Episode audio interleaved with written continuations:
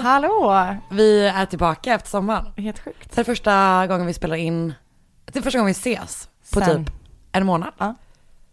Jag saknar dig jättemycket. Ja men detsamma, verkligen. Men Skönt. det, nu när vi sitter här så känns det som att vi sågs för typ, Jag vet. Två minuter Är det sedan. en bra eller en dålig grej? jo men det är en bra grej, men det är också deppigt att det är så det känns alltid efter semestern, när man är på jobbet. Ja, Allting är alltså- bara så här, hade, var jag ens ledig eller var det en dröm? Ja, det här är då Mord mot mord. Mm. En true crime podcast som görs av mig, Karin Landré, och av dig, Anna Sandell. Ja. Hur har din semester varit? men extremt bra. Säg vad det bästa och det sämsta varit. Det sämsta känns så svårt att välja, typ. Det låter helt töntigt. Det sämsta var att jag, eh, han var så lite på mitt landställe med min pappa. Mm. Och det bästa var att den har känts så sjukt lång och jag har typ haft jättemysigt varje dag. Bra. Så det är liksom, det bästa var bara att vara ledig och typ vara med, eh, med alla som man tycker så mycket om. Det låter så töntigt, men det har varit så Det himla var mysigt. Ja. Det var en gullig grej att säga. Det var lite som ett barn Ja, på ett härligt, som jag gillar. ja, men det, det har varit fantastiskt härligt. ja, vad bra. Um, Dina då? Men jag, jag tror, alltså det, blir- det blir lite samma grej att man bara, jag har varit typ skitmycket med min kille. Mm. Vi är ju ifrån varandra ganska mycket annars. Mm. Så det vi nu har verkligen varit med varandra kon jävla stant. Mm. Som har varit kanon. Det har varit så, så roligt. Vi har varit i Kroatien, det var otroligt. Jag har fått bada asmycket. Ja. Vilket ju är det enda jag vill egentligen. Det är fantastiskt. Alltså jag är en sån som gillar att leka i ett bad. Eh, apropå att vara barnslig. Ja men eh, det är fantastiskt. Alltså det är min drömträningsform. Mm. Att Simma. Man, nej, inte simma. Lekbad. Lekbad. Jag, jag gillar ju inte att bada. Nej, jag vet. Men du har också ju badat jättemycket. bra, jag är stolt över dig. Mm. Du har också skrivit några gånger, jag har badat. Skrytigt. Det sämsta var jag typ inte ens riktigt medveten om när det hände, utan fick höra om sen. Mhm. För vi var eh, hos våran, jag och Marcus var hos våran kompis Hanna, Mm. eh, på hennes landställe i, eh, men i Grums utanför Karlstad. Och så, när vi, och så bestämde vi oss för att vi skulle så här, åka, alltså du vet man ställde in så, bara inga motorvägar. Ja just det. Och så åkte vi på småvägar runt i Sverige. Mm. Så jävla mysigt. Ja verkligen. Så var vi så här, vi bara, vi ska bo i någon liten stad typ. Åkte vi till Arboga, Just det. spanade efter kvinnorna, Mm. såg ingen. Det var, det var asfint i Arboga. Var det? Ja, men också jätteläskig plats att ha sådana hemska mord på. För att det kändes så jävla lugnt och typ Ja, fint. Ja. Men i alla fall, vi bodde på ett så läskigt hotell. Mhm. Som var, eh, alltså vi, det var så här, det stadshotell. Och så vi bara, men fan vi kör där typ. Och så fanns det något så rum som kostade typ tusen spänn som hade liksom så jacuzzi och bastu på rummet. Vi bara, fan vad nice. Det lät jättebilligt. Ja, så jävla Ja. billigt. Och typ rummet var helt rimligt liksom. Mm. Så låg vi där i någon jävla jacuzzi. Gud vad grisigt. Det är så Big Brother-aktigt. Ah, så fast härligt. härligt. Fast härligt. Ah, ja, det var inte, alltså det var liksom inte det var ett sånt, liksom ett stort badkar Ah, okej, med okej. liksom. Med, med bubbelstrålar. Exakt. Men sen vi, jo, men vi kommer dit först och så är det typ någon gubbe som bara, ja ni kommer, ska ni ut och göra Arboga nu eller? Nej, jag drar nu, jag orkar inte vara här längre. Vi bara, what Okej. kind of place Mm. is this? Typ. Eh, så hade vi en svinmysig kväll och sen så typ när jag vaknade dagen efter så var våran sänglampa tänd. Mhm. Och jag bara, fan ja, varför är den tänd? Eller jag bara, det känns som att jag vaknade någon gång i natten den var tänd också. Mm. Och Marcus bara, ah, jo, för att jacuzzin satte igång, i, satte igång sig på egen hand typ mitt i natten också. Men gud vad sjukt. Ja, jag vet, det var skitläskigt. Eh, och sen så var, så var det typ att han bara, ah, men jag, jag vet inte om jag var uppe någon gång på natten typ och fixade med jacuzzin typ. Så glömde jag att släcka, jag bara, ah, okej. Mm. Sen han bara, okej jag ska erkänna vad det var. Då var det i vårt rum ett liksom skynke. Alltså typ det var så här, säng när man kom in och sen var det som en liten korridor och där inne var liksom toalett och bastu och allt det där liksom. Så mitt emellan liksom bastun och sovdelen så var det ett skynke Mhm. som jag inte hade kollat på eftersom jag inte är så observant om Mm. mitt, min omvärld. Så jag, men Marcus hade kollat in där typ precis innan vi la oss. Då hade det varit ett litet rum bakom det. Och i det rummet så hade det varit en dörr. Så han hade öppnat den dörren. Och då hade han typ kommit in i ett så stort rum som var typ deras förråd eller någonting. Aha. Och han bara inser ju så här, det lär finnas en annan ingång. Till förrådet. Och vi hade inte sett en enda annan människa typ på hotellet, vilket gör det, det, är så, det finns ju inget läskigare än ett tomt hotell. Nej. Så han hade blivit så jävla rädd att han hade sovit med lampan tänd hela natten. Inte sagt någonting till mig, vilket jag verkligen uppskattar. För jag hade aldrig sovit igen. Men det var Marcus som hade tänt lampan. För jag Ja. trodde att det var någon som hade kommit in och tänt lampan. Det vet vi inte. Nej, men alltså eh, om jag hade varit, jag skrämmer upp mig själv så jävla lätt. Mm. Och typ att jag är lite så rädd för spöken fast jag inte jag tror att hade de inte finns. sovit där. Nej, eller hur? Men också vart hade du sovit? Du hade varit i Arboga, det Nej, fanns ingenstans. Men Du hade vandrat Arbogas gator. jag hade typ kört därifrån. Jag, men jag hade nog inte kunnat sova om jag hade sett det tror jag. Nej. Men då kunde man inte låsa den dörren. så nej. Gud vad konstigt. Så konstigt. Det var jättehemskt. Eh, har du några ord som beskriver ditt fall? Uh, I sure do. Berätta, berätta, berätta. Um, Asien cykel killgäng. Åh nej. Mm. Jag har, eh, som sagt, att vi bara gör så svårt som möjligt för att ingen någonsin ska kunna gissa. Telefonsladd, Mm. städerska, krimjournalist. Okej. Random. Mm. Eh, du, innan vi börjar. Mm. Du har ju fyllt år. Ja. Eh, jag tänker att du ska få öppna presenter. Nej! Du är så himla, du vet jag älskar ju presenter. Jag vet, idag när du var på lite dåligt humör så sa jag bara, men tänk på att du får presenter. Ja, plural. Verkligen. Eh, vi tar en i taget. Ja. Okej, vi börjar här. Jag tror att det är en bok. jag, jag gissar att det är en bok. Ja, ja.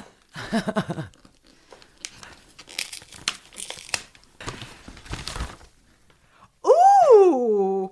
Låt mig berätta. Ja. Det är Leif GWs bok, Professor Ville Wing, Wingmutter, Mästerdetektiv. Hans själv, Fan, självbiografi. tack snälla. Ja. Kör vi vidare? Ja, men för fan, tack snälla. Varsågod. Gud vad kul. Nu kommer ett stort paket. Jättestort paket. Ditt spel. Kanske. Är det Cluedo? Ja. Och det var Colonel Mustard med någon jävla grej. Fy fan vad kul, jag orkar inte. Det är Leif GWs spel. Ett GWs brott. Ja! Fy fan vad kul. Jag orkar inte, vilken fin present. Tack så hemskt mycket. Och sen kommer en liten grej till. En till. Ja. Som tyvärr inte är inslagen. Fy fan vad kul. Det är GWs vin. Jag är så helt upphetsad Du har fått ett GV-kit. Oh my god, jag orkar inte. Alla andra presenter slänger i väggen. Så jag tänker vi får ha någon kväll när vi spelar, spelar GVs, Eh, GV-spel. det vet du. Och dricker GVs vin. jag är så glad nu så att det är helt, jag typ är Alltså, helt fnissig. Jag var tvungen, för jag var runt och handlade alla sakerna ehm, i, i lördags. Mm. Och eh, det här är en beställningsvara, så jag var tvungen att, jag var tvungen att gå och fråga efter GVs vin. Fy fan vad På roligt. du vet den lite stela vinintresserade eh, systemet som ligger i källaren på PK-huset. så det var någon sån du vet lite så små fittig Men det här ska ju vara bra. Ja det ska vara väldigt bra. Att det är ett bra kändisvin Alltså ja. Karin, det här är eh, den finaste presenten jag någonsin har fått i hela mitt liv. Så kul eller? Förlåt, jag ska bara, jag kommer vara tyst resten av podden. Ja. Så, Du kommer börja spela ett eget, ett eget parti med dig själv. verkligen. Det enda jag tror kan bli probla- Man kanske problematiskt vill med vara det. fler än två eller? Eh, jag vet inte. Alltså jag tror att det enda som kan bli problematiskt med det är att du ser dig själv som en sån jävla mästerdetektiv. Så om, det är, om du misslyckas i spelet så kommer du bli rasande. Å andra sidan så älskar du GV. Så du kommer typ ha ändå ha en liksom, Man spelar mot GV eller vadå? Ja GV är i den lådan och kommer poppa upp. Alltså så kul, så läskig den där ser ut. Den Ja. ska jag bara hem och packa upp. Fan vilken bra present, jag har aldrig varit med om något liknande. Alltså så otroligt glad. Gud, kommer du börja eh, räkna med liksom eh, presenter varje poddinspelning nu? Eh, ja, jag, har gjort, jag, jag har räknat med det förut men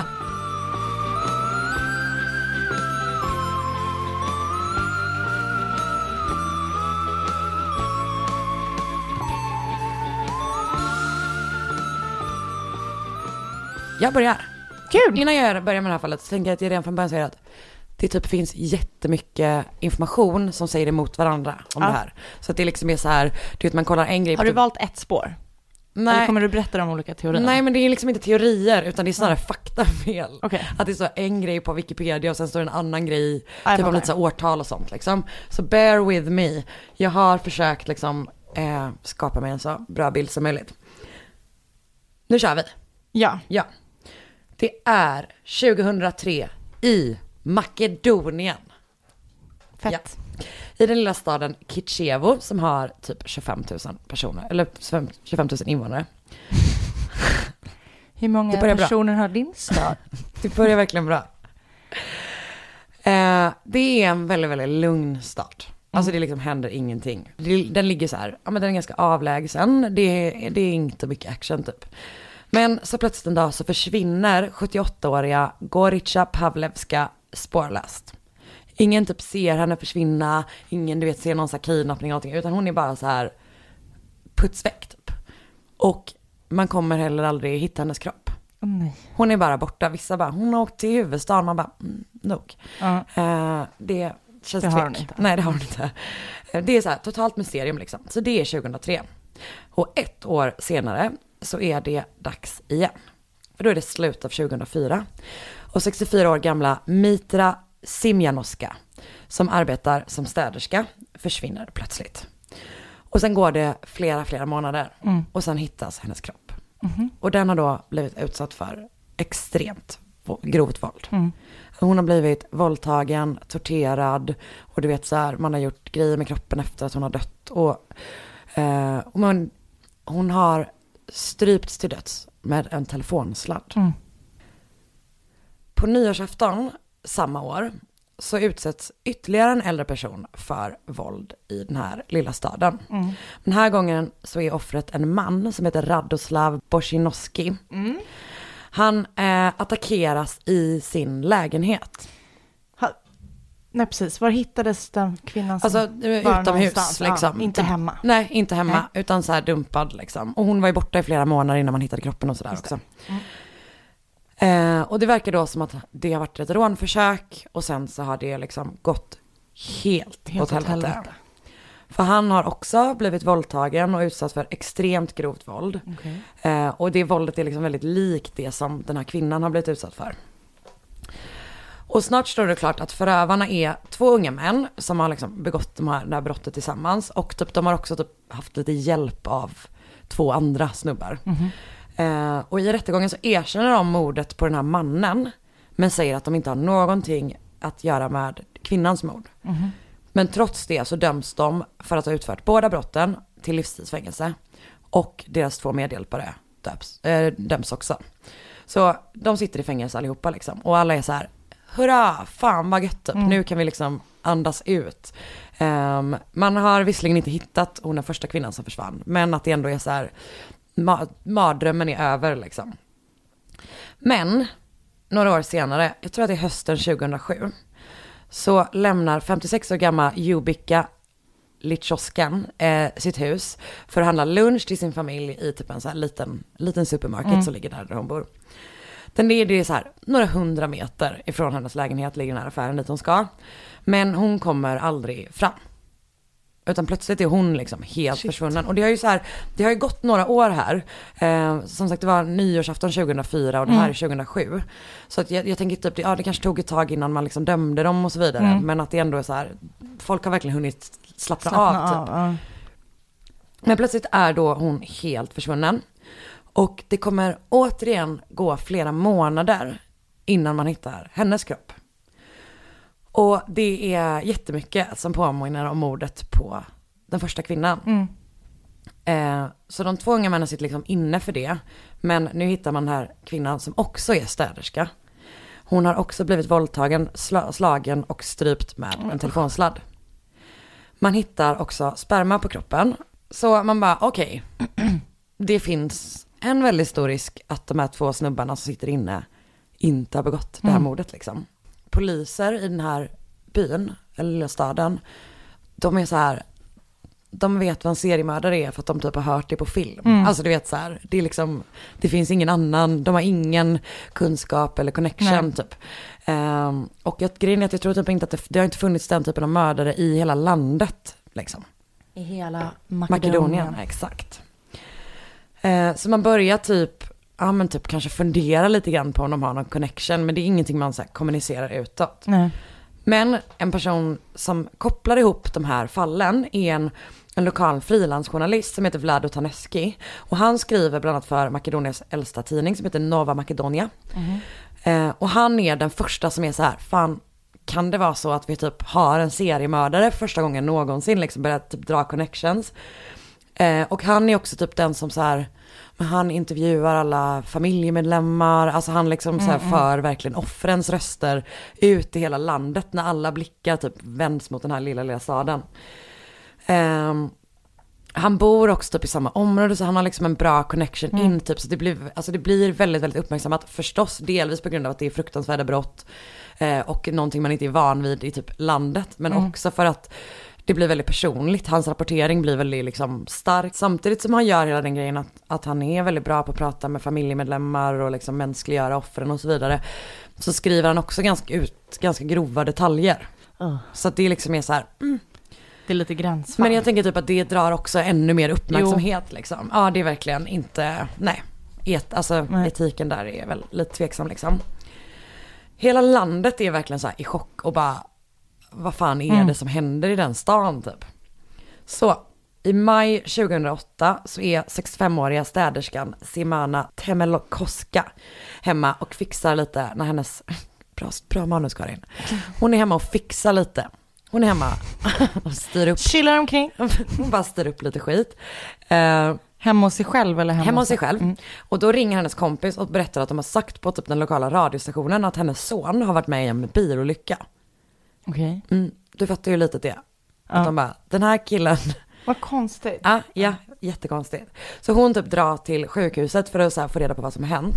Och det är sista gången som någon ser henne i livet. Vad fan. För hennes son har inte alls varit med om någon bilolycka. Det har inte skett någon bilolycka liksom. Utan någon har lurat lokalradion för att se till att hon lämnar huset. Skämtar du? Sån jävla skräckfilms... Alltså det är som Grej. i, som i ehm, jag vet fortfarande vad jag gjorde förra sommaren, som vi har pratat om förut. När de låtsas, Din favoritfilm. Verkligen.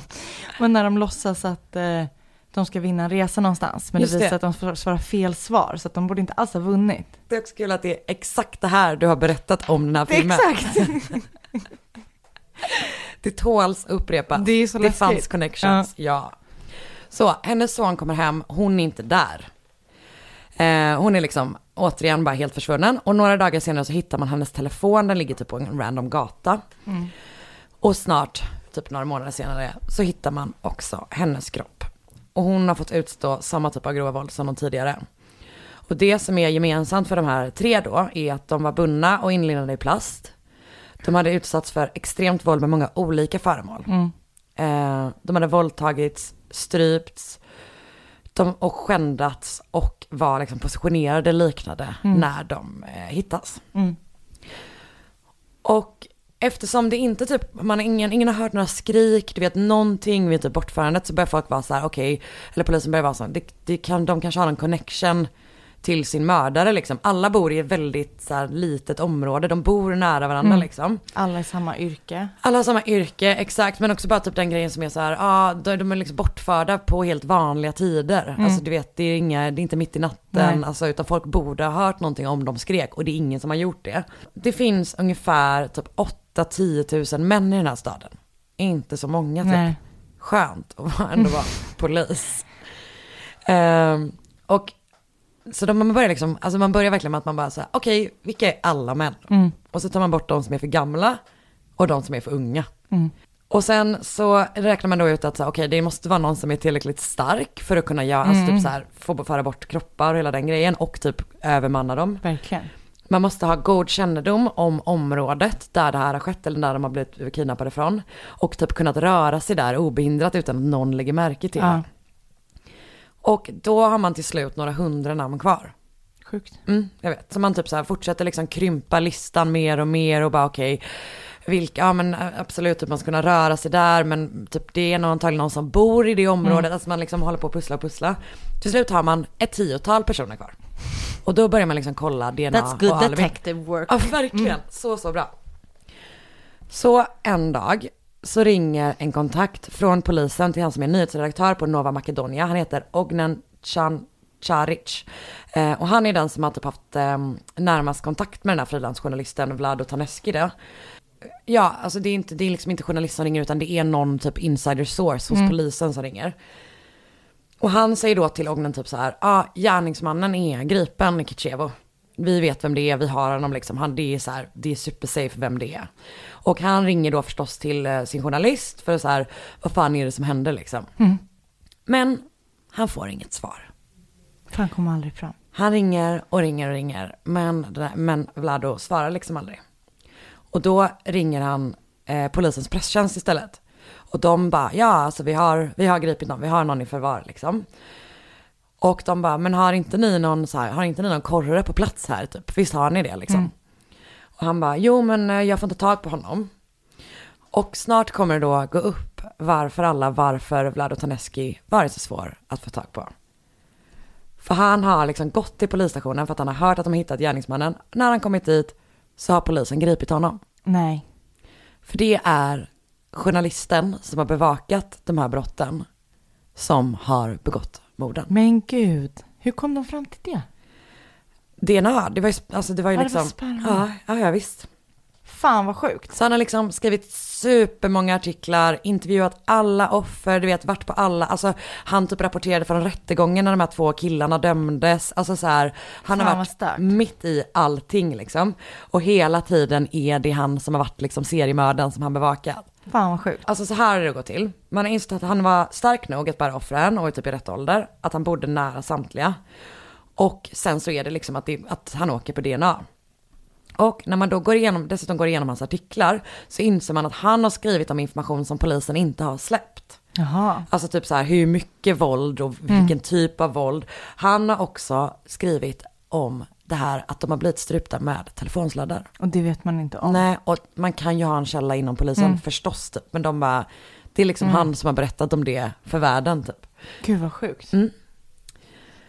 Så efter Men gripandet, begick han morden för att ha någonting att rapportera om? låt mig Ja, förlåt. återkomma. För efter gripandet så går man då igenom hans, he- eh, hans hem och typ också hans föräldrars sommarhus. Och när de koll- kollar just på huset, för att man har insett att han måste nog ha någon plats där han Gör det. Ja, exakt. Eh, De hittar så här kablar, rep, tillhörigheter som polisen tror att det var, eh, alltså var offrens och typ extremt grov våldsporr. Och så börjar man då kolla på offren, så här, vad har de gemensamt? Ja, de är äldre kvinnor, alla arbetar med att städa, vilket är typ hans mamma. Mm. Okej. Alltså hon var städerska liksom. Så, Vlado Taneski, född 52. Han växer upp med typ ganska strikta föräldrar i en familj som har totalt tre barn. Och hans yngre bror kommer säga att de, så här, de hade en helt normal uppväxt. Men trots det, så när han bestämmer sig för att, typ, att han typ vill flytta till någon annan stad liksom. Så typ säger så här, hans föräldrar upp bekantskapen med honom i princip. Att de bara, ja ah, gör du det, men då är du fan on your own. Så lite konstigt. Detsamma gör då hans syster. Alltså hon försvinner och hon flyttar också hemifrån och blir också typ helt utputtad Ja, ja. från polisen. Eller familjen. Familjen som också var poliskår. Polisen. Verkligen. Jag bara, hur många twists and turns kan vi slänga in? Ehm, hans pappa jobbade som någon slags typ nattvakt och hans mamma var då städerska på ett sjukhus. Han hade en väldigt intens, något strulig relation med sin mor. Men trots det, så när han träffar sin blivande fru Vedna på en poesikväll, en tävling som Vlado också vann, Okej. Ehm, så, och de gifte sig och får två barn, så flyttar de ändå in hos hans föräldrar. Härligt. Alltså, Drömmen. ja verkligen. Med Hedvigs hemförsäkring är du skyddad från golv till tak oavsett om det gäller större skador eller mindre olyckor. Digital försäkring med personlig service, smidig hjälp och alltid utan bindningstid. Skaffa Hedvig så hjälper vi dig att säga upp din gamla försäkring. Hedvig hemförsäkring, ett klick bort. Aj, aj, aj, det kluckar i rören.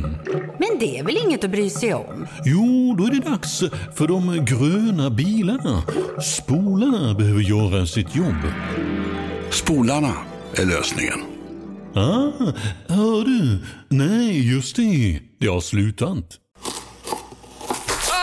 Dåliga vibrationer är att skära av sig tummen i köket. Ja! Bra vibrationer är ett och en tumme till och kan scrolla vidare. Få bra vibrationer med Vimla. Mobiloperatören med Sveriges nöjdaste kunder enligt SKI. Eh, och i början av 2000-talet, det, det här datumet typ skiljer sig. Det, någonstans bara, det var 1990, annanstans bara, det var 2002. Någonstans däremellan. Ja. Jag tror att det är typ i början av Så slutet av stort 2000-talet. spann också. Jag vet. Begår då Vlados pappa självmord. Ah, okej. Och Vlado Taneski jobbar då som journalist under 20 års tid och han vinner, han är typ så här, men superuppskattad. Duktig. Eh, han vinner massa priser. Först är han anställd på typ eh, några olika ställen och typ är en så här uppskattad kollega. Även om folk som är yngre tycker att han är lite väl Alltså han är verkligen sån murvel, om du fattar vad jag menar. Gamla skolans Ja, ja. sån super, ja men gubbjournalist liksom. Så typ de yngre tycker att så här, ja ah, men han är inte så, jag tänker att han inte var så pepp på digitaliseringen. Nej, jag fattar. Eh, Men typ, han är en skitbra journalist liksom, så det är inte det. Och till slut då, så får Vlado inte vara kvar som fast anställd. Jag gissar typ att så här, men nedskärningar, som sagt, hela typ journalistbranschen har ju förändrats skitmycket liksom. Eh, Så han får inte vara kvar, utan han börjar då frilansa som korrespondent från sin hemstad. Och 2005 så bestämmer, får hans fru ett jobb i Skopje, alltså huvudstaden i Makedonien. Och då tar hon med sig deras gemensamma barn Jaha. och flyttar dit Ja. typ. Och hon har sagt så, hon bara, han var alltid skitbra mot mig, men du vet, ja, de separerade liksom. Och jag vet typ inte riktigt om de separerade eller om det bara var att hon agerade på att hon fick en chans och typ så här kunde, hon kunde försörja sina söner. Jag vet om att de skickade ett barn utomlands för att studera. Ja, Alltså du vet, han hade det inte asfett. Nej. Ehm, och under samma period så dör också hans mamma. Och det är ju inte heller helt lätt att vara frilansande journalist Nej, i en stad där det inte händer någonting. Nej. Det är liksom, alltså vad ska han, vad ska han, ska han skriver ju hela tiden Ja. för typ massa olika tidningar men det är så här, det krävs ganska mycket för att de ska typ Ta emot det och Ja, ta in det. exakt, precis så. Så han har liksom gått från att typ vara en del av en familj, alltså med både mamma, fru, två barn, med fast jobb till att vara så ensam frilansare utan fan. liksom trygghet typ. Så. Det är inte lätt. det är inte lätt, men sättet han löser det är inte heller så bra. Det är inte lätt och det är inte rätt. Bra! Bra Anna! Det blir din nästa säga. års födelsedagspresent. It's not right. Nej. But it's okay. Nej, det är det Nej, inte. det var det inte. Så, för att han då ska försäkra sig om att frilanspengarna rullar in och typ få Makedonien att intressera sig för Kitjevo så bestämmer han sig då för att börja mörda äldre kvinnor. Fan vad sjukt. Den 22 juni 2008 grips han då för morden på Mitra och Sivana, för det är där det finns DNA-spår liksom. Och han är också misstänkt för mordet på Jubica och för Goricas försvinnande, den första kvinnan som försvann där. Han förs då till ett fängelse i Tetovo som är en dryg timme från Kitjevo och det är tydligen så här, det tycker de är lite konstigt typ för att, att han hamnar där, för det finns närmare häkten eller fängelsen eller vad det är. Men samtidigt har de ganska mycket problem med så här overcrowded prisons och hela den grejen. Så att, men det är typ, det, ja, folk tycker det är lite weird att han hamnar där. Där hamnar han ändå i en cell med tre andra intagna. Och efter gripandet så säger han ingenting till en början liksom. Han ber inte om en advokat och han förnekar inte att han, han är anklagad för. Han är typ, alltså han, han är typ tyst i 20 timmar. Men gud. Sen börjar han typ förneka. Men tre dagar efter gripandet så hittas Vlado Taneski död i sin cell. Aha. Han liksom... Som han delar med de här tre andra. Ja. Han liksom sitter, men typ på knä. Mm. Med huvudet i en hink med vatten i ett hörn av cellen. Okej. Han har alltså dränkt sig själv i en hink. Shit. Ja.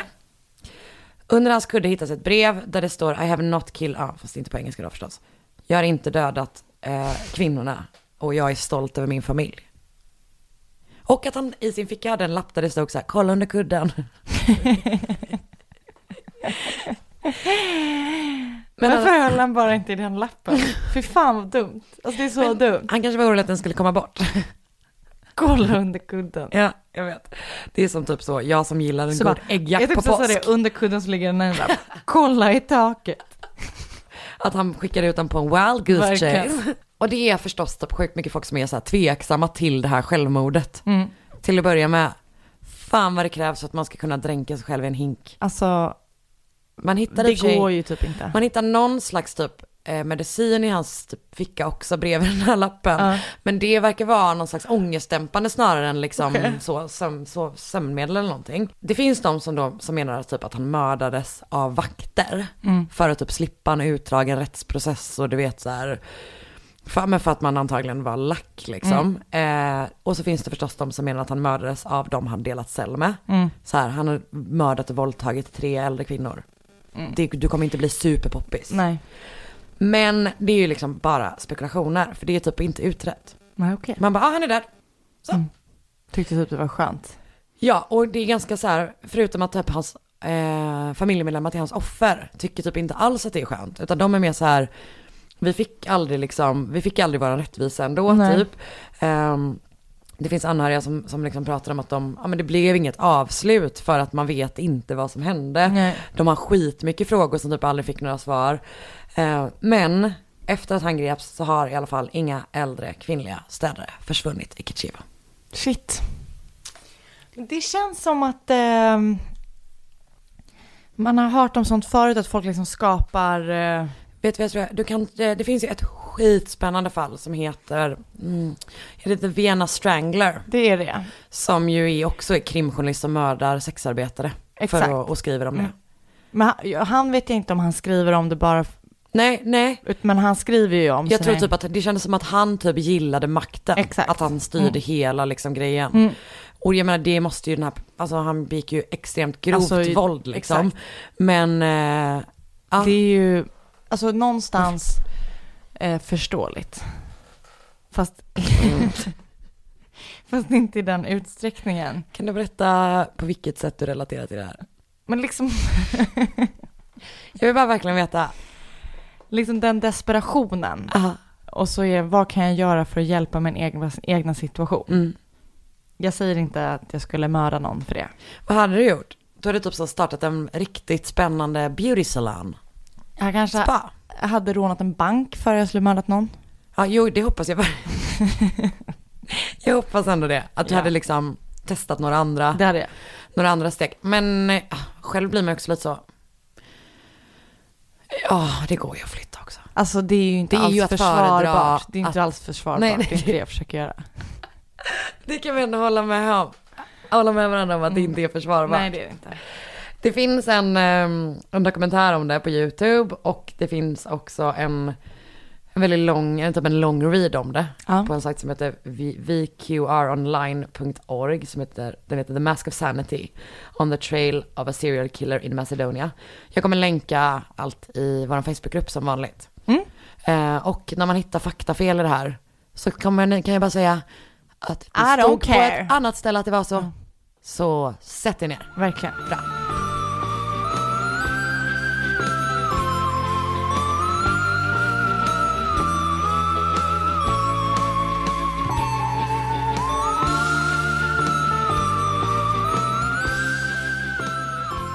Tänk dig att du cyklar hem efter du är på väg hem från jobbet en vanlig tidig kväll. Mhm. Och så blir du överfallen av ett pucko som liksom kastar sig över dig. Så att du ramlar av din cykel.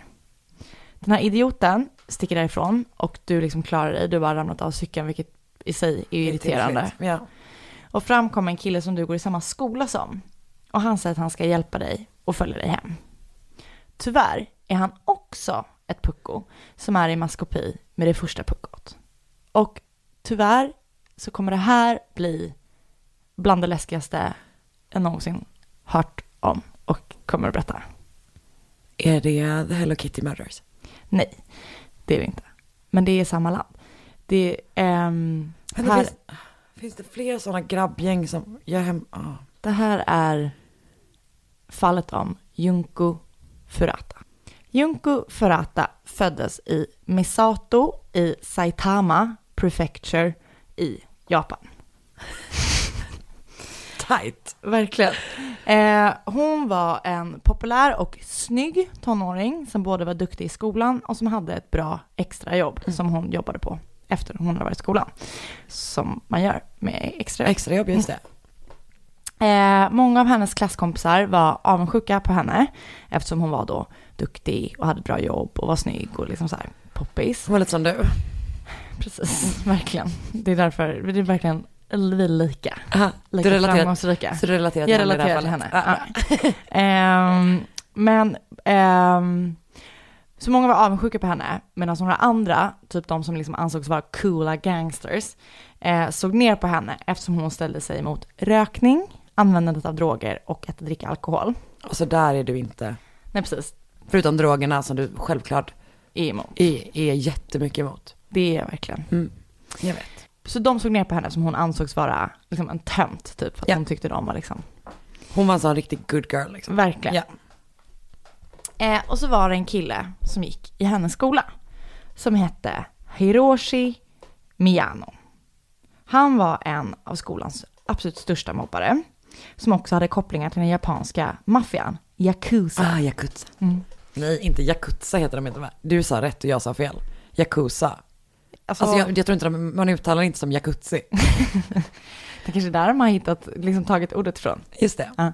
Nej, jag, jag vet inte, jag skulle säga Yakuza. Ja, Men ja men det inte. låter ju super japanskt. Eller hur? Ehm, så han var liksom, liksom en bad boy i skolan. Eh, och han var kär i Junko. Eh, och Junko var såklart inte alls intresserad av honom för hon stod, han stod typ för liksom allt hon tyckte var dåligt. Mm. Så hon, när han visade intresse för henne så nobbade hon honom. Eh, vilket han inte alls var van vid i och med att folk typ var rädda för honom för att alla visste om hans maffiakopplingar. Mm. Så en dag i november 1988, i slutet på november, var Hiroshi och hans kompis Nobuharu Minato Mm. runt på stan för att de var ute och letade efter en kvinna som de skulle kunna råna och våldta. Just det, som man är. Mm. Mm. Eh, och klockan halv nio på kvällen så får de syn på Junko som är på väg hem från sitt jobb efter att ha jobbat. Gud, du försöker verkligen förklara jobb. Jag läste fel. Eh, hon, hon var på väg hem från sitt jobb där hon hade jobbat Just det. extra. Och då var, det in, jobb. då var det liksom inte att man jobbade under skoltid utan efter. Det var efter, för det var liksom ett extra jobb. Kan det vara helger med? Absolut. Okej, så det är liksom extra utöver. Extra utöver skolan. Just det, Så att ja, man- men bra. Mm. Eh, hon var på väg hem från jobbet på sin cykel. Hiroshi då, som var kär i Junko, befaller sin kompis att eh, attackera henne och sen sticka därifrån. Så sagt och gjort så bestämmer den här Nobu, Nobuharu eh, approachar henne, sparkar henne av cykeln och sedan springer han därifrån. Så hon ligger där och typ försöker samla sig, plocka upp sina grejer och du vet, så. Varpå Hiroshi går fram till henne och låtsas att han bara råkar vara i närheten och att han har sett hur hon har blivit överfallen. Så han erbjuder henne att följa henne hem och vinner liksom hennes förtroende, Förtroende. liksom. Mm. så de börjar gå och istället för att följa henne hem så leder han henne till ett övergivet lagerhus någonstans. Eh, Och väl där inne hotar han henne ehm, och säger att han ska döda henne liksom, om hon inte är tyst. Ehm, och sen våldtar han henne där först i det här övergivna lagerhuset. Och efter det så tar han med henne till ett hotell i närheten. Eh, där han fortsätter att våldta henne. Och anledningen, eller liksom hon har väl inget val såklart, men han hotar henne hela tiden. Ah, ja. Så hon är, följer med för att hon är rädd Hon för sitt eget överleva. liv och, eh, precis, Mm. och för sin familjs liv. Varför han hotar dem också? Hon vet ju om hans kopplingar och Just det, sådär. åh gud. Eh, så hon är tyvärr där med honom.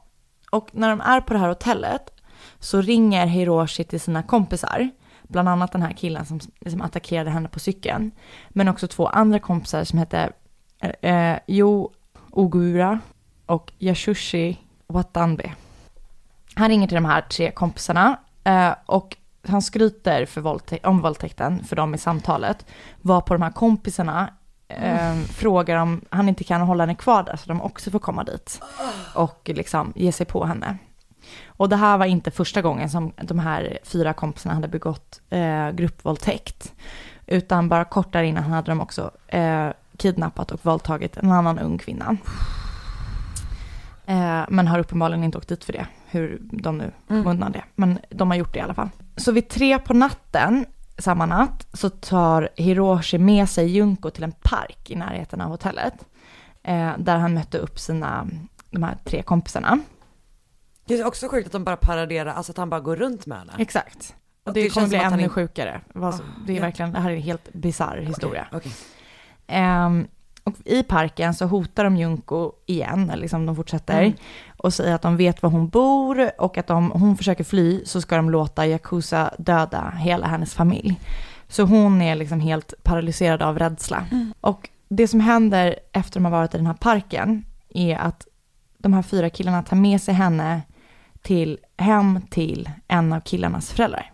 Där de våldtar henne igen, hemma i det här föräldrahemmet. Han som sparkade av henne av cykeln tror jag att det var. Är Hen- hans föräldrarna föräldrar. hemma? De är hemma och den här killens brorsa är hemma.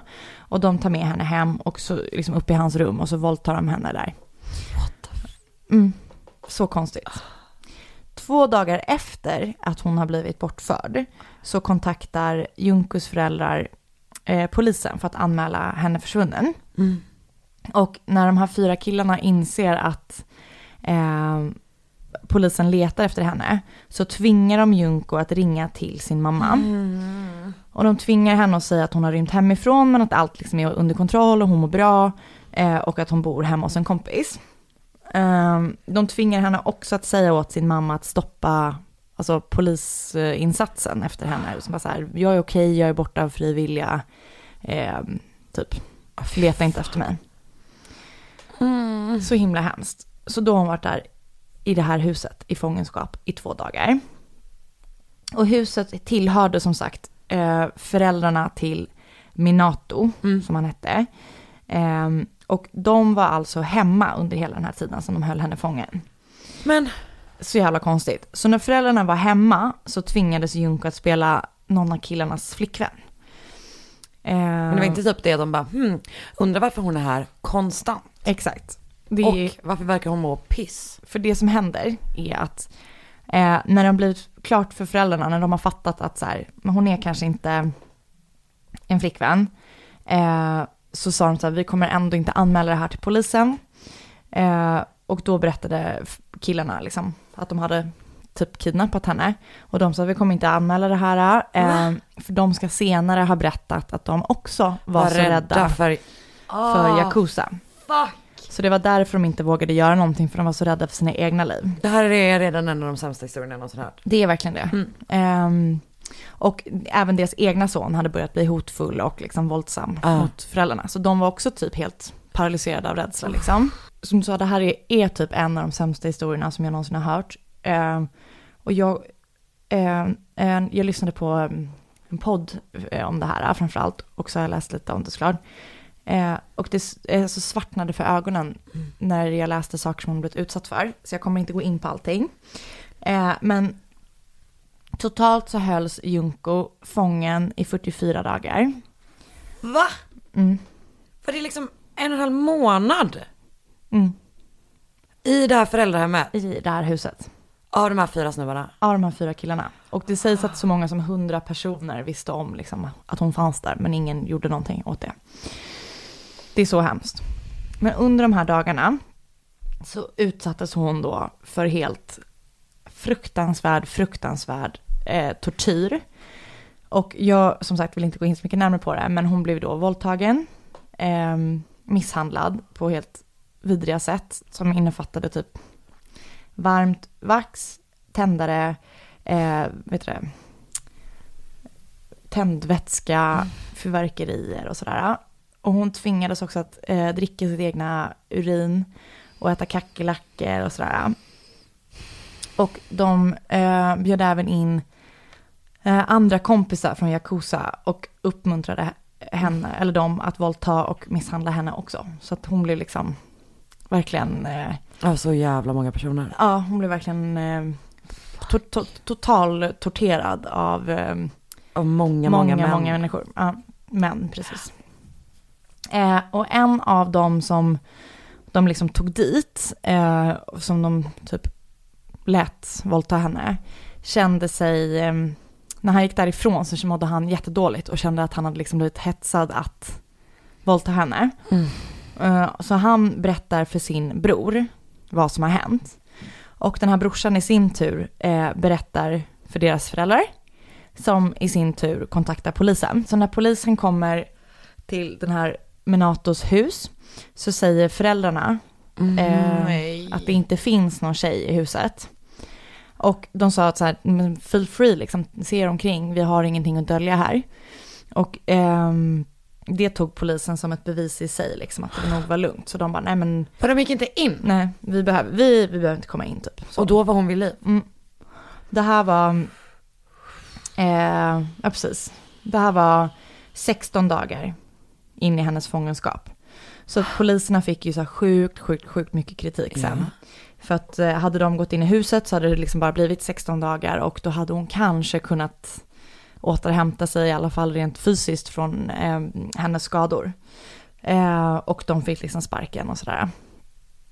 Eh, så tyvärr så eh, blev hon kvar där efter 16 dagar också. Som sagt 44 dagar totalt. Det är så hemskt. Ja, det, tänk- för jag får en sån, du man får en sån tanke, tänk om hon typ låg där uppe, Och så hörde det. hörde polisen typ. Ja. Det är så jävla vidrigt. Och tänk också dem, alltså det är ju inte alls i närheten hur hemskt det var för henne. Men att veta sen att så här, jag hade kunnat rädda ja. henne. Ja, ja, nej. Oh. Eh, och i början på december, ehm, så, alltså typ i samma veva som det här, så försökte hon själv, Junko själv, ringa till polisen. Men Hiroshi kom på henne när hon liksom höll på att ringa och eh, han lägga på luren. Eh, och när polisen ringde tillbaka så, så, så svarade han som svarade och bara, nej men eh, det var en felringning, det var ett misstag, det finns ingenting att, liksom, det finns ingenting vi har att säga här. Eh, och efter det så blev hon liksom super, superstraffad igen. För så fort liksom, Mm. de misshandlade ju henne hela tiden, men så fort de liksom Så såg grejer. sin chans så liksom passade de på att göra ännu vidare grejer. Så det här tror jag var första gången de tände eld på hennes ben, vilket verkar vara så otroligt Åh. hemskt. Ja, så jävla, jävla läskigt. Och hon ska vid flera tillfällen ha bett att, liksom bara här, snälla bara döda mig och få Ah. det här, liksom, jag orkar inte leva mer. Men de bara vägrade och fortsatte liksom misshandla henne under alla de här dagarna. Inte bara misshandla henne, det är typ ren tortyr verkligen. Ja. Och hon blev så illa misshandlad att hon eh, liksom efter ett tag också såklart tappade kontrollen över sina toalettbehov. Ja. Och hon kunde typ inte behålla mat eller dryck så hon bara kräktes upp allting. Och även det blev hon liksom straffad för. Den här fruktansvärda misshandeln gjorde att ehm, efter ett tag började hon också, och liksom hon kräktes och, och typ bajsade på, alltså liksom allt sådär. Så hon började efter ett tag eh, lukta ehm, äckligt liksom. Ja, men jag tänker typ så här sår som är Exakt. alltså, Som inte lär, infekterade exakt, ja. och så. Vilket gjorde då att ehm, hennes kidnappare tappade sexuellt intresse i henne. Mm. Eller för henne. Man bara just det, de här grejerna som jag utsatt henne för, nu tycker inte vi hon är så sexig Nej längre. exakt. Men alltså det var bara, det är ju helt sjukt. Så då efter ett tag så slutar de att då våldta henne. Och då kidnappar de en annan Nej. ung kvinna. Som de våldtar. Men henne släpper de efter ett tag. Men liksom, Så, som är i samma hus. ja. Så det är helt sjukt. Men hon blir i alla fall släppt. Och jag vet inte, jag tror inte hon är fast så länge. Men Nej. eh, den 4 januari 1989 utmanade de alla, eller de här killarna, eller de var allihopa, eller några av dem, Junko på en omgång Mahjong. Som är något sånt spel som jag inte vet hur det går till. Nej, Ehm, det är ungefär som GV. Precis, jag tror att det är lite samma grej. Jag Mm. vet inte, jag, jag inte vet inte exakt. GVs Mahjong. Ja. Ehm, som hon vann. Eh, som Åh, vann över dem. Nej. Och de blev såklart liksom skogstokiga över att hon hade vunnit över dem. Så det liksom blev resulterade i typ den mest massiva misshandeln du kan tänka dig. Eh, som till slut resulterade i hennes död. Så den 4 januari 1989, efter 44 dagar, så, blir, så dör hon. Blir hon dödad. Och de här killarna var så rädda för att åka fast för mordet. Så de la hennes kropp i en sån där, en typ jättestor betongtrumma eller en sån cistern typ, Oj. som rymde 280 liter, som de fyllde, 208 liter, som de fyllde med blöt cement. Oj. Och sen så dumpade de den på typ någon så här sajt någonstans. Mm. Så jävla hemskt också att göra det. Men ehm, Allt med det här är alltså, den är verkligen hemskt. det värsta jag hört alltså. Så den 23 januari, eh, knappt tre veckor efter hennes död, så åkte Hiroshi och en av de här fyra killarna, den här Yu, tror jag att det var, fast för den här andra våldtäkten som hade hänt under tiden Ju- Junko var i fångenskap också. Ja. Ehm, och i mars samma år, så, alltså två månader typ efter de har åkt fast, så sitter de i så massivt förhör. Och eh, för då har polisen hittat underkläder som tillhörde en kvinna i Minatos föräldrahem. Och under förhören, polisen liksom spelar ut de här killarna mot varandra och liksom kör mind games med dem. Bara den har erkänt att du har aldrig vet bla, bla. Exakt. Mm. Så Hiroshi får för sig att polisen känner till vad de har gjort med Junko. Ah.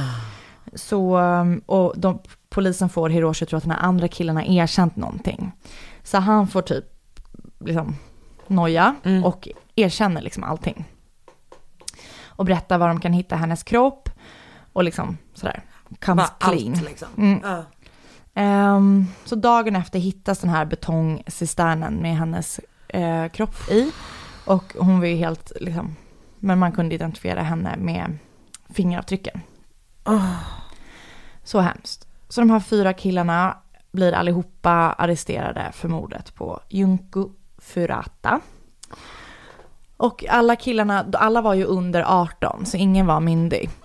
Och därför till en början så ehm, hålls killarnas identiteter skyddade eh, i rättegången. Men det var däremot någon tidning som tog reda på vilka de var och släppte deras namn, för de ansåg att eh, de typ inte skulle... sin- Exakt, det, varför ska de skyddas så liksom, det här brottet var så, hade så grov karaktär så att Ja. så det, det läcker liksom vilka det är.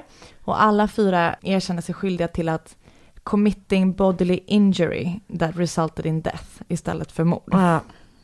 Så de, Så någon slags manslaughter. ja, Eller liksom inte, det, inte överlagt. Nej, precis. Eh, 1990 Mm. dömdes Hiroshi, som då ansågs vara ledare, eh, till 17 års fängelse. Och han försökte överklaga den domen, men fick då istället 20 år Bra. fängelse. Och han var 18 år när han väl dömdes. Så han hade då varit, Men gud, han är ute nu och var liksom 38 när han kom ut typ. Ja. Om han satt hela tiden, vilket jag tänker, ja. ja. Och Minato, som var han som ägde huset, dömdes till slut till 5 till 9 års fängelse. Så han var 16 år när han dömdes. Men det är ju ingenting. Nej. Och de andra två killarna dömdes till eh, 57 år och respektive 8 år i fängelse. Och de var båda två 17 år när de dömdes. Men det är ju ingen tid Det är alls. så sjukt. Eh, Och de, domarna ansågs ju också vara alldeles för lätta eh, för ett sånt här eh, liksom, otroligt vidrigt brott. Ja. Och folk i domstolen svimmade när de läste upp vad som hon hade blivit utsatt för. Och hennes mamma bröt ihop och såklart så här. Hon blev liksom torterad till döds. Ja. Och hon begravdes då innan rättegången och det var liksom en väldigt fin begravning och sådär. Men tyvärr så är ju då, precis som du säger, alla fyra Helt. mördare fria idag. Och alla har bytt namn och eh, liksom lever, verkar inte leva helt normala liv, men liksom alla är ute i alla fall. Och live in kicking. Så otroligt, otroligt orättvist. 44 jävla dagar. Mm. Ja, bara total terror. Och typ jag tänker den grejen som sagt att man så här, man har några tillfällen när man bara nu, Mm. du vet, men sen när polisen kommer, när man får, lyckas få tag på en En telefon, telefon. ja. kanske till och med när den andra tjejen kommer. Mm, Alltså du vet att man verkligen. bara, nu händer det någonting, nu Mm. kan saker och ting förändras och så bara nej, rakt ner i helvetet igen. Det där är så grovt, Mm. men ja, fy fan. Den var verkligen... Researchade du det här på bakfyllan igår? Ja. Vilken fruktansvärd upplevelse. Jag vet, vad hemskt. Det var faktiskt, jag hade lyssnat på en podd eh, nu Ja. under semestern också när jag var borta. Men det var, jag glömde säga det i början, men jag, det är ett tips som jag fick eh, Ja. från en lyssnare. På Instagram. Så, så på Instagram. Mm. Eh, så, jätte, vi, jag, det är ju vi är supertacksamma för tips, men fy fan vad man blir skraj alltså. Ja. Ja, men det här var verkligen riktigt, riktigt hemskt. ja, men det finns, det finns ett fall som är väldigt likt det här, Mm. som heter The Hello Kitty Ja, eller hur? Ja, mm. Och det, apropå det du sa, att det svartnar för ögonen på dig när du lyssnar på, vilken podd var det du lyssnade på, minns du? Inte på rak, jag kan kolla. Det var någon, ass- den var, inte, den var inte så bra kan jag säga. Nej, Mm. okej. Vi kan länka det i Facebookgruppen Ja. också. Ehm, nej, men för jag lyssnade på Sword and Scale om Mm. det fallet. Det är också en, en, en kvinna som blir kidnappad, hålls som liksom och torteras och våldtas om och om Mm. igen. Eh, också jättelång tid. Typ. Och jag lyssnade, eller det är det enda poddavsnittet jag någonsin var tvungen att stänga av. Var när jag lyssnade på Sword and Scale om det. Mm. Alltså att det var så här, jag bara, Hemskt. ah, jag bara, nej men det går inte, jag kommer svimma. Mm. Jag var verkligen på väg att typ tuppa av. Alltså det är verkligen hemskt. Och just Eh. den grejen som är så här, ah, jag fattar typ folk är unga och man dömer inte i alla länder som vuxna. Alltså du vet så. Men, Men att har få man typ gjort en sån fem här- år för att ha torterat någon till döds i 44 dagar. Mm, mm, Och man dessutom har gjort liknande brott. De sa ju att de hade våldtagit, äh, våldtagit andra, Mm. du sa det. Eh, att de tog in, alltså så här, Ja, Jag vet, det är helt, eh, det är helt, helt, helt, helt obegripligt. åh fy fan, Åh. Åh, gud varför gör vi det här? Helt sjukt faktiskt. Vi behöver, jag behöver åtta veckors semester efter den här podden. Verkligen. Ja man får ju jättegärna önska fall av oss. Ja. på Instagram och följa oss och sånt. Där heter du att Sandel Anna, jag heter att Karin Londre. Ehm, jag kan säga, om jag inte hinner svara på allting, jag läser allting. Men ibland så hinner jag typ inte svara när man har mycket Mm. Och så. jag är ju tekniskt utmanad så jag fattar ju inte att jag folk har skrivit till mig förrän var fjärde vecka ungefär. Mm. Så att eh, jag ser Men vad ni fortsätt. skriver, annars skrev jag Men fortsätt, för till slut så hittar jag dit. vi, vi kan ha en liten kursen du och jag. Ehm, och som sagt, gå med i vår Facebookgrupp, den heter Mord mot mord podcast. Innan vi slutar, vi brukar ju alltid typ avsluta på någon liksom lyssnarinteraktionsgrej. Ja. Jag tycker att den här veckan ska det vara att det är en person som har gjort en remix på vårt intro. Ja! Har du lyssnat på det? Ja. Det är en person som heter Andreas Johansson som har gjort en riktigt Alltså, Stranger. Things eh, inspirerad eh, Det är så remix härligt. på vår jingel. Och den är otrolig. Tack för att ni lyssnar. Jag tänker vi spelar oss ut, spelar ut oss. ja.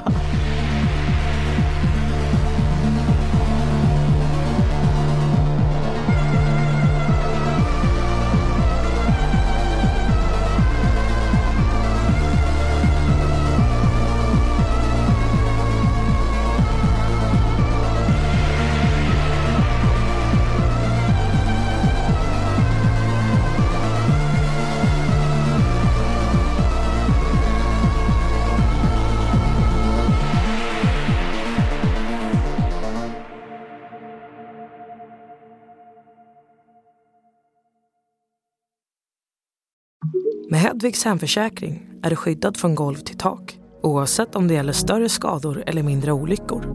Digital försäkring med personlig service, smidig hjälp och alltid utan bindningstid. Skaffa Hedvig så hjälper vi dig att säga upp din gamla försäkring. Hedvig hemförsäkring, ett klick bort.